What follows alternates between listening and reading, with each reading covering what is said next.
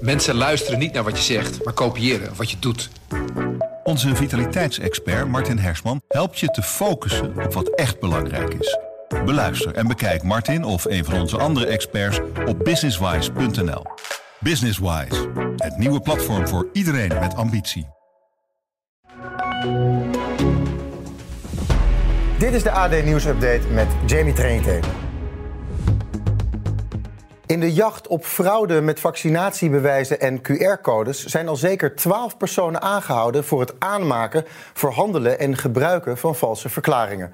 We praten erover met AD-verslaggever Cyril Rosman. 12 aanhoudingen dus zover. Wat zijn het voor mensen?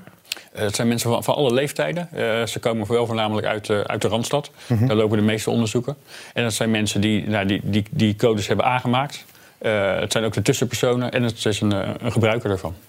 Ja, er zijn vijf uh, GGD-medewerkers op Schiphol. Die hebben op grote schaal valse QR-codes gemaakt. Hoe, ja. hoe, zijn zij te, in te werk gegaan? Nou, uh, het werkt op verschillende manieren. Je hebt mensen die, uh, die hebben echt con direct contact met mensen die zo'n, nou ja, met ongevaccineerden, die als gevaccineerd in het systeem willen. Dus die gaan naast een tussenpersoon zitten, bellen naar iemand van de GGD die vals speelt als het ware. En die worden ingevoerd als gevaccineerd. Mm -hmm. Je hebt ook mensen die in de systemen op grote schaal uh, QR-codes maken en die verhandelen. En dat zou echt gaan, zo staat in het dossier, om, om, om tienduizenden van die valse QR-codes. Ja. Er zijn dus heel veel gebruikers ook van deze valse QR-codes. Er is er één nu tegen de lamp gelopen. Hoe ja. is dat gekomen? Uh, dat was iemand die wilde inchecken op Eindhoven Airport uh, afgelopen zomer.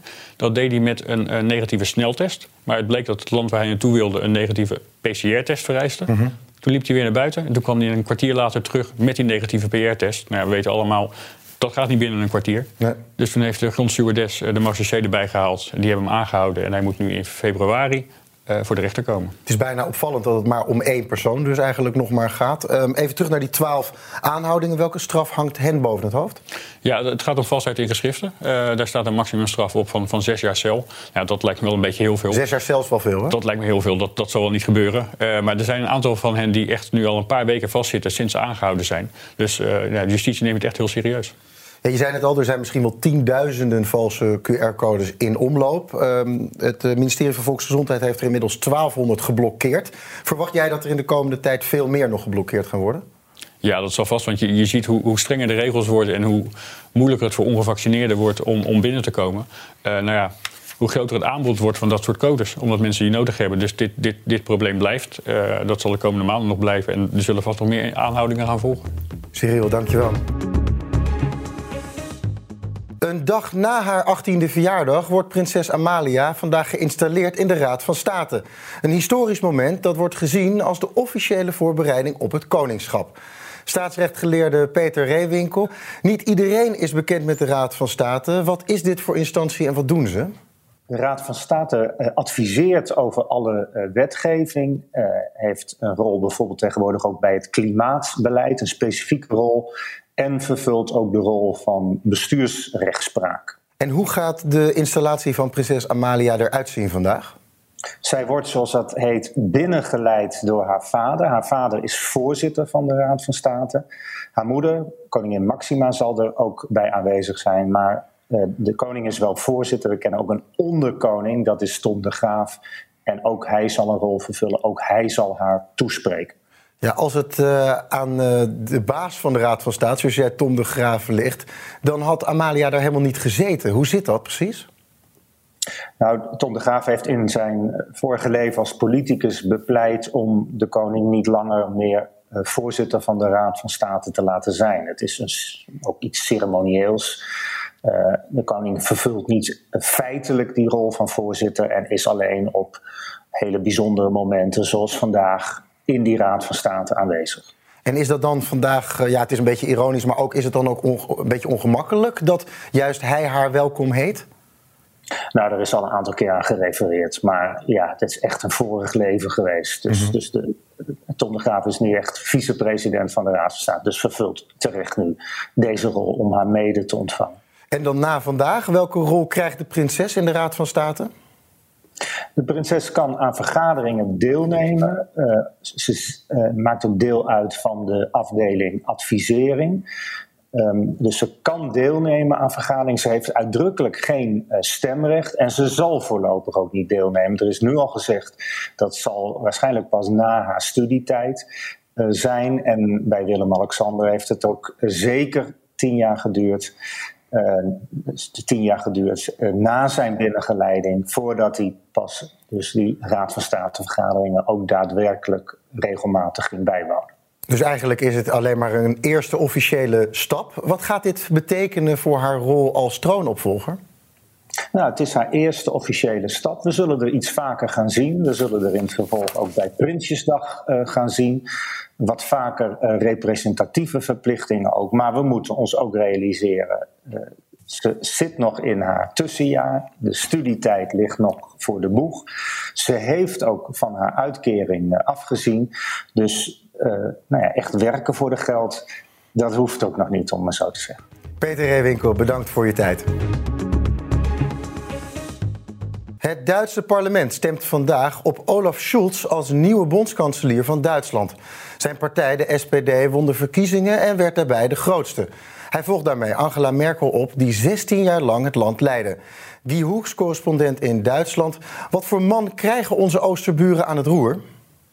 Ja, eh, Scholz is eigenlijk een man die, uh, die lang ook onder Merkel heeft gediend. Je zou ook eigenlijk kunnen zeggen, het is misschien een vertrouweling van Merkel, ondanks dat hij natuurlijk van de andere partij is, de Sociaal-Democraten. Hij is zeker een man die de continuïteit hier gaat doorzetten vanuit, uh, vanuit Berlijn voor Duitsland. Uh, dat zag je ook in zijn campagne bijvoorbeeld. stabiele pensioenen was een van zijn, was een van zijn slogans. Hij wil eigenlijk zorgen dat mensen het goed blijven houden.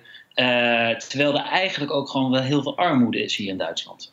Maar goed, 16 jaar Merkel, zal het lastig zijn voor hem om, uh, om haar op te volgen als bondskanselier?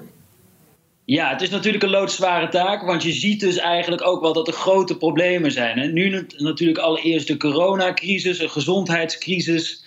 Daarnaast heb je natuurlijk gewoon de wat langere uh, of de wat grotere thema's uh, op de lange termijn, zoals uh, digitalisering, natuurlijk economie. Dus wat ik net ook al zei, armoede is een groot thema, vooral in de, in de Duitse steden. Dus dat zijn allemaal thema's waar, waar Olaf Scholz zeker gelijk mee aan de bak moet. Hij zal samen gaan regeren met de linkse klimaatpartij De Groene en de liberale eh, FDP. Het is de eerste keer in 60 jaar dat drie partijen samen in een Duitse coalitie zitten. Kun je zeggen dat er een nieuw tijdperk voor de Duitsers is aangebroken daarmee? Ja, misschien ook wel. Want je ziet dus uh, inderdaad dat heel veel, heel veel Duitsers niet gewend zijn aan zoveel partijen. Kijk, in Nederland hebben we natuurlijk een coalitie gehad van soms wel vier partijen. Hier hebben we dat, zoals je zegt, eh, dat decennia lang niet gehad. Het was altijd SPD of eh, CDU. Uh, en nu komt er dan natuurlijk een derde partij bij. En dat is best wel even schakelen. Maar afgaande op de, op de onderhandelingen zie je dat ze dat toch wel best wel snel hebben gedaan. Namelijk in zes weken kwamen ze hier met een coalitieakkoord. Um, dus dat wil niet zo heel veel zeggen natuurlijk. Wij Nederlanders die kijken toch wel vaak naar onze grote Oosterburen. Wat gaan deze nieuwe bondskanselier voor ons betekenen, denk je? Ja, dat is natuurlijk de grote vraag. Uh, maar eigenlijk kunnen we, kunnen we er vrij zeker van zijn dat, uh, ja, dat Scholz de lijn van Merkel gaat doorzetten. het klinkt een beetje saai natuurlijk. Uh, maar aan de andere kant, het uh, hangt ook zeker af van de aankomende Nederlandse regering. Dat soort geluiden hoor ik hier ook veel in Berlijn. Dus dat mensen eigenlijk zeggen zo van ja, wij zijn heel benieuwd uh, wie, er, wie de opvolger van Rutte gaat worden. Gaat Rutte dat zelf worden? Of komt er een, nieuwe, een, een, nieuwe premier? na zoveel jaar natuurlijk ook in Nederland. dus dat volgen de Duitsers ook met belangstelling als het, als het hier om, om Nederlands-Duitse betrekkingen gaat. Dankjewel Guy voor je toelichting. Slecht nieuws voor iedereen die van plan is om 2022 te starten met een ijskoude duik in de zee. De traditionele nieuwjaarsduik op Scheveningen gaat opnieuw niet door. Ook andere organisaties van nieuwjaarsduiken zetten door de coronamaatregelen een streep door de plannen. Alex Schuttert, voorzitter van de stichting Nieuwjaarsduiken Nederland. Ja, voor het tweede jaar op rij gaat het evenement op Scheveningen niet door. Dat moet een flinke tegenvaller zijn. Ja, dat is natuurlijk uh, jammer. Hè. We hadden graag 1 januari uh, met z'n allen weer uh, op het strand gestaan om daar weer een mooi volksfeest van te maken. Maar goed, het, ja, het, het, het gaat even niet, dus dan, dan houdt het op. Hè. Maar die duik die is in de buitenlicht, op het strand, op zich ook groot genoeg om afstand te houden. Waarom wordt het evenement toch afgeblazen? Nou, er zijn een aantal, uh, aantal aspecten daaraan, zeg maar. Er is uh, een stuk onzekerheid wat, wat ons boven het hoofd hangt met wellicht nog komende maatregelen. daarnaast is het best een, een omvangrijk project waar veel mensen bij betrokken zijn. Uh, dus ja, je moet op enig moment moet je natuurlijk knopen doorhakken. Uh, want je kan uh, de boel niet blijven rekken. Daar is het evenement gewoon te groot voor. en gezien de onzekerheid die ons boven het hoofd hangt. en het feit dat we er een ongedwongen volksfeest van willen maken. heeft ons doen besluiten om, om het toch niet te gaan organiseren. Ondanks dat het evenement vorig jaar dus ook werd afgelast, namen er toen wel wat mensen een duik in de zee.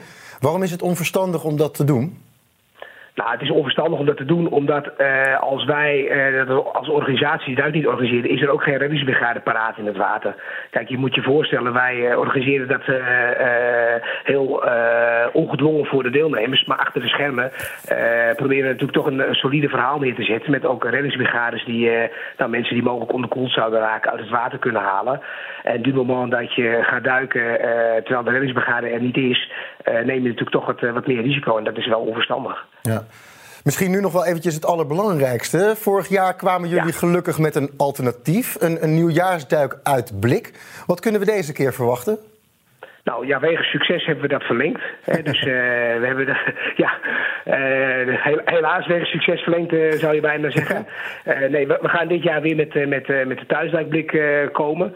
Uh, ja, vorig jaar uh, is daar zo enthousiast op uh, gereageerd. En ja, we vinden toch dat we ook in deze tijden een stukje vrolijkheid en, moeten brengen. En nou goed, dat, gaan we doen met, het, met een thuisduikblik. Het blik is ook letterlijk verlengd. Het is wat groter geworden.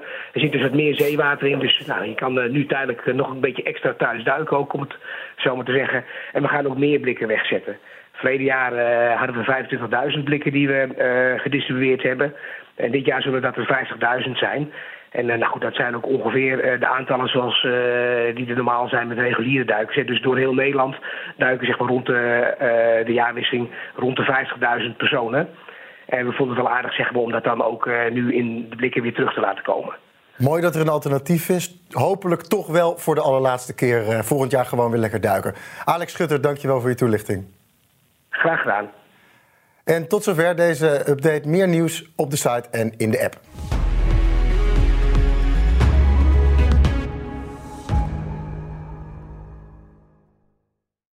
Loop jij rond met het gouden business-idee? Of het nu een winkel is, een app of een product waarmee je de wereld wil veroveren? Dan is Droomstart de kans voor jou. De ondernemer helpt je jouw droom om te zetten in actie. Ga nu naar droomstart.nl en meld je aan. Mensen luisteren niet naar wat je zegt, maar kopiëren wat je doet. Onze vitaliteitsexpert Martin Hersman helpt je te focussen op wat echt belangrijk is. Beluister en bekijk Martin of een van onze andere experts op businesswise.nl. Businesswise, het nieuwe platform voor iedereen met ambitie.